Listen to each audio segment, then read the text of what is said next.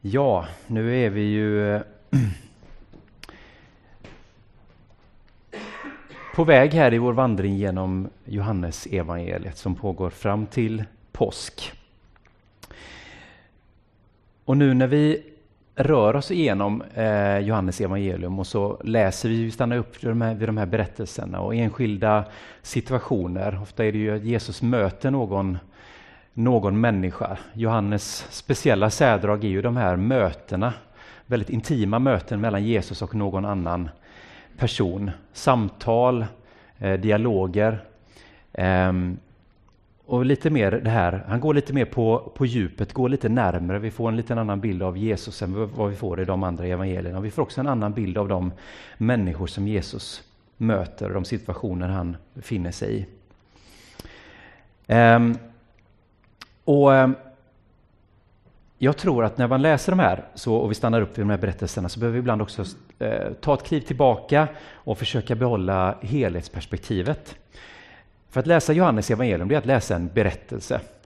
Det finns en särskild berättarteknik, en särskild struktur, hur boken är liksom ordnad med de här mötena och berättelserna och skildringarna som, som berättar en historia. Det finns en röd tråd genom alltihop. Även när vi stannar upp och läser de här liksom enskilda historierna som i sig är som små berättelser, så finns det en stor berättelse också. Det är inte bara en rad händelser utan sammanhang eller samband, utan det är en berättelse där de här olika delarna ibland ställs emot varandra. Och det tappar vi lite ibland när vi stannar upp vid en text, att då har vi redan glömt vad var det vi läste förrförra söndagen, eller vad är det som kommer söndagen om två veckor? För ofta så använder Johannes de här kontrasterna för att förstärka sitt övergripande budskap. Vi tar nästa bild där. Om du har tid över nu under våren så tycker jag att Johannes evangeliet är en bok som verkligen förtjänar att läsas så att säga, från perm till perm. Ehm, så att de här breda penseldragen träder fram i starkare relief. Annars kan det vara lite som att vi står och betraktar en målning men vi tittar bara på enskilda färgpartier liksom, och trycker näsan mot tavlan och tänker åh vilken härlig gul färg. Och så är det det enda vi ser. Eller där har vi de här djupa röda färgerna, de här blå skiftningarna. Men vi missar liksom konstverket som bara framträder om vi tar ett par, tre kliv bakåt. Och vi kan se hur färgerna kontrasterar varandra och överväldigar med sin prakt och färgrikedom. För Johannes, om vi skulle eh, gestalta honom eller karaktärisera honom som en konstnär, så är han en konstnär som målar med breda penseldrag. Han har inte med massa detaljer i onödan. Utan ofta är det så att om vi noterar någonting som sticker ut, någon detalj, så finns det ofta en väldigt specifik anledning till att den är med. Det tål oftast att vi stannar upp vid de här små detaljerna. Varför säger han så? Varför är den där lilla detaljen med? Um, utan det är de här stora övergripande teman, det är långa dialoger och det är långa tal.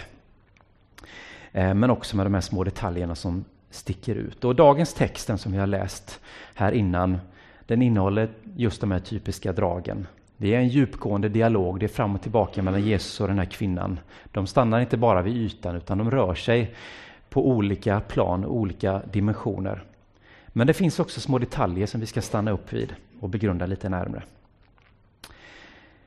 Det här fjärde kapitlet som vi har läst nu, det är jag skulle väl säga att det kanske är det mest kända, alltså som berättelse i Johannes evangeliet. I hela evangeliet. Eh, och kapitlet dessförinnan då, då möter Jesus eh, Nikodemus. Och det innehåller kanske evangeliets mest kända vers, det mötet. Syftar förstås på den sextonde versen, Så älskade Gud världen, som även kallas för Lilla Bibeln. Men jag undrar om inte den här berättelsen om kvinnan vid Sykars brunn i Samarien ändå är den mest kända. Och den här berättelsen om Jesu möte med kvinnan vid brunnen, det är en berättelse som innehåller flera dimensioner. Det är en berättelse med sociala och politiska dimensioner. Det handlar om andliga och religiösa dimensioner, men den är också djupt personlig. Och så som Johannes återger detta möte och den här fascinerande dialogen mellan Jesus och kvinnan så kan det ibland vara svårt att särskilja de här för att den liksom rör sig mellan dem och Jesus använder ibland metaforer som gör det svårt att veta vad pratar han om här egentligen? Är det, ska man tolka honom bokstavligt eller ligger det något djupare i det han säger? Um, jag tror inte vi kan nysta ut samtliga de här trådarna och kartlägga vad är det Jesus pratar om och vad betyder allt detta? Vad finns det för bakgrund mellan samarierna och judarna? Och så här. Vi går inte in på djupet på det. Det får ni gärna göra i er egen läsning och fundera lite över vad det är som rör sig här i den här dialogen, i det här spelet fram och tillbaka.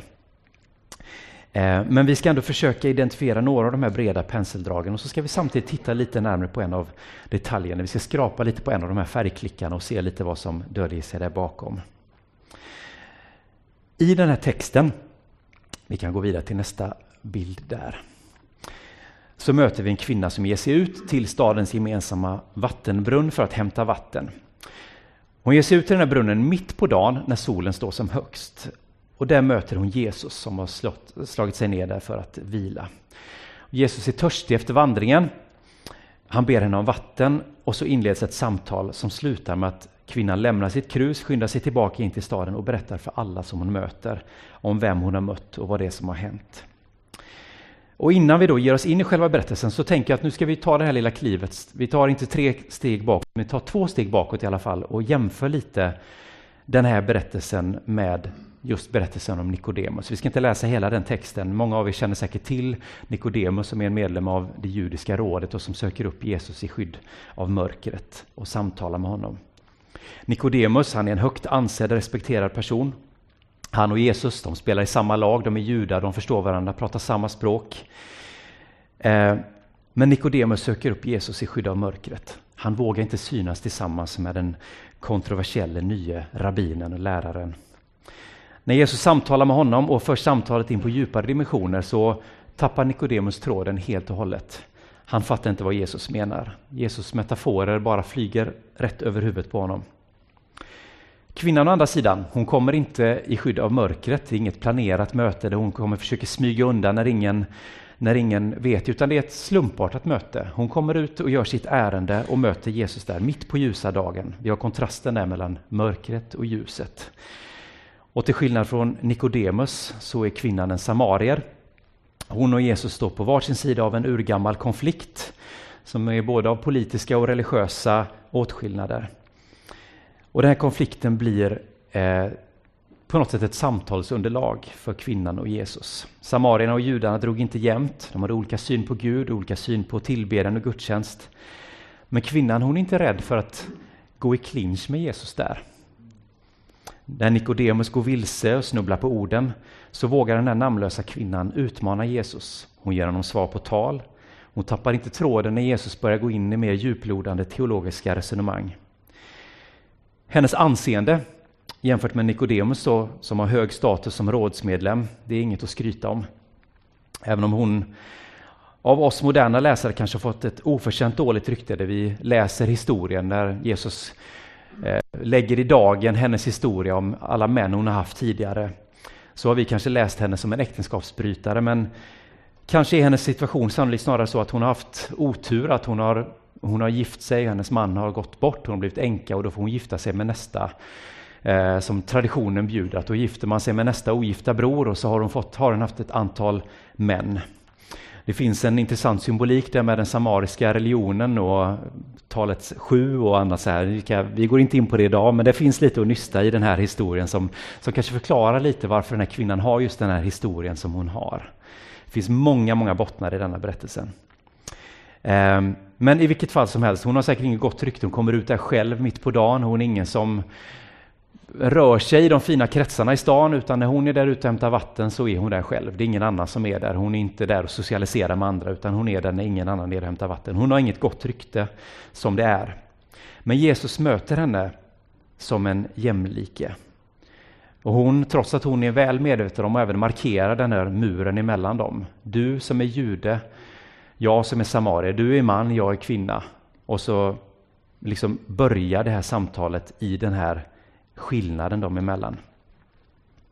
Varför ber Jesus en jude, kvinnan en samarier, om vatten? Hon är väl medveten om de religiösa och kulturella skillnaderna dem emellan, men också den skillnad i maktställning som finns dem emellan. Hon med sin historia har upplevt på nära håll hur lite hon som kvinna har att säga till om i det här samhället. Men ganska snabbt så är det som att samtalet skiftar till ett annat plan. Och Jesus han gör ju lite samma Det är lite samma mönster när han möter Nikodemus. Han försöker växla över och tala om saker i metaforer. Och där tappar Nikodemus tråden helt och hållet. Men kvinnan, hon hänger med. Hon följer med Jesus när han går vidare, när han går till nästa nivå, när han försöker föra samtalet till ett djupare plan. Då hänger hon med. Hon förstår resonemanget. I början ser det ut som att hon går i samma fälla som Nikodemus. Jesus säger en metafor, han pratar om det levande vattnet. Och hon ser det som en möjlighet att vara skönt, då kan jag ju slippa gå ut hit och hämta vatten varje dag om jag får det här vattnet som aldrig tar slut. Ge mig av det vattnet. Men någonting i det Jesus säger gör att hon förstår att det han pratar om, det är inte bara tomma ord. Okej, okay, det är inte en pragmatisk lösning på hennes praktiska problem. Men han är en som förmår att leverera på sina löften. Så när han pratar om det levande vattnet så säger hon, ge mig av det vattnet. Hon behöver vatten och Jesus har vatten att ge. När Jesus får den här, eh, eh, när hon begär det här, ge mig av detta vattnet, så gensvarar Jesus med att e- erbjuda henne något bättre. För det vatten han har att ge, det blir till ett, en evigt flödande källa inombords. Det överflödande livet, som inte bara handlar om överlevnad, utan om att leva. Alldeles för ofta är vi så vi fixerade vid överlevnad, att vi glömmer att det finns ett liv att leva. Är det någonting som plågar den moderna människan mer än detta? Känns som att det är bara en kamp för överlevnad. Vi ska bara göra vår nuvarande situation bättre och bättre och ser inte att det finns någonting större, det finns någonting rikare, det finns ett djupare liv att leva. Men vi är så på jakt efter nästa sak och nästa sak och vi ska vidare och vi ska utvecklas och vi ska ha det ena och det andra och vi ska göra vår situation bättre och bättre och bättre. Så till slut blir det bara en kamp om överlevnad istället för att faktiskt leva. Vi slåss med näbbar och klor för att förse oss med det vi tror vi behöver för att hanka oss fram. Men hos Jesus finns det verkliga livet. Han erbjuder något som släcker vår djupaste törst. Och jag ska ge er två frågor, eller frågeställningar. Jag kommer uttrycka det i olika frågor, men, men två stycken olika frågeformuleringar som ni ska få med er här idag. Och här kommer min första fråga. Vad är ditt vatten? Vad är det som du djupast sett behöver? När du hör den här kvinnans begäran, ge mig det vattnet. Vad är det för begäran som ekar inom dig? Vad är det du djupast sett behöver? För det är det Jesus vill ge dig. Kanske är det som kvinnan att du tänker, ja, men ge mig det där vattnet som jag behöver så slipper jag de här praktiska bekymren. Kanske är det inte just det vatten som Jesus vill ge dig, men det finns ett underliggande behov som Jesus vill möta hos dig. Det som du faktiskt behöver. Nu ska vi titta lite på en av de här detaljerna som jag nämnde inledningsvis. De här typiska Johannes-detaljerna som han inte bara lämnar där av en slump utan de finns med där av en anledning. Vi tar nästa bild där.